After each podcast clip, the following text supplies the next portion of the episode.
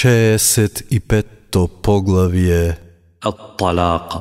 Развод објавено во Медина 12 ајети. Во името на Аллах, смилосниот, милостивиот. О веровеснику, кога ќе сакате да се разведете од сопругите, пуштете ги во времето кога се чисти, а потоа времето што треба да помине, бројте го и од Господарот свој Аллах плашете се. Не терајте ги од становите нивни, а ни тие нека не излегуваат, освен ако сторат очигледно срамно дело. Тоа се Аллаховите прописи. Тој што ги крши Аллаховите прописи, сами од себе си неправда си чини. Ти не знаеш, Аллах може после тоа да пружи можност за помирување. Па кога ќе го достигнат времето на своето чекање, вие или на убав начин задржете ги, или великодушно од нив конечно разведете се, и како сведоци двајца ваши праведни луѓе земете и сведочењето заради Аллах извршете го. Тоа е совет за тој што верува во Аллах и во оној свет, а на тој што се плаши од Аллах, тој ќе му најде излез и ќе го снабди од каде што не се надева. Тој што се потпира на Аллах, тој му е доволен. Аллах ќе го исполни тоа што го одлучил. Аллах веќе му одредил рок на се. А тие ваши сопруги кои надежта во месечниот циклус ја изгубиле и тие што не го ни добиле, тие треба да чекаат три месеци ако паѓате во сомнеш. Трудниците чекаат се додека не родат, а тој што се плаши од Аллах, тој во секе му даде леснотија.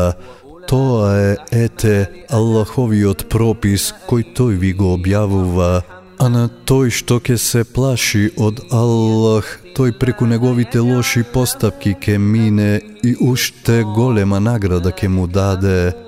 Оставете ги нив да живеат таму каде што живеете и вие, според своите можности и не правете им тешкоти со цел притисок да им извршите. Ако се трудни, дајте им издршка се додека не се породат, а ако ви ги дојат децата, тогаш дајте им ја заслужената награда и договарајки се меѓусебно на убав начин. А ако настанат недоразбирања, тогаш друга нека му го дои детето. Богатиот нека троши според богатството свое, а тој што е сиромашен според тоа колку што Аллах му дал, бидејќи Аллах никого не задолжува повеќе од колку што му дал. Аллах сигурно по тешкотијата ќе даде олеснување.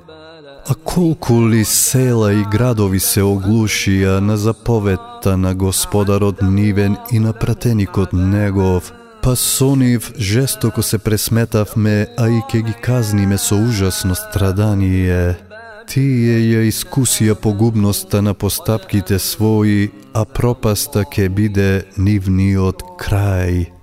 Аллах за нив подготви неиздржливо страдање, затоа плашете се од Аллах, о вие кои што сте обдарени со разум, вие кои што верувате.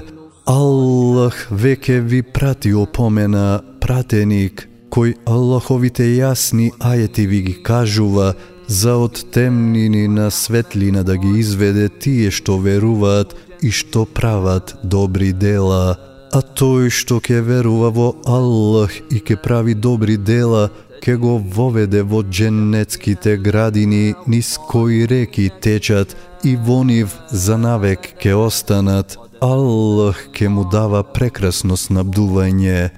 Аллах создаде седум небеса и исто толку земји. Неговата наредба до сите нив достигнува за да знаете дека Аллах е мокен за се и дека Аллах со знаењето свое опфаќа се. وأن الله قد أحاط بكل شيء علما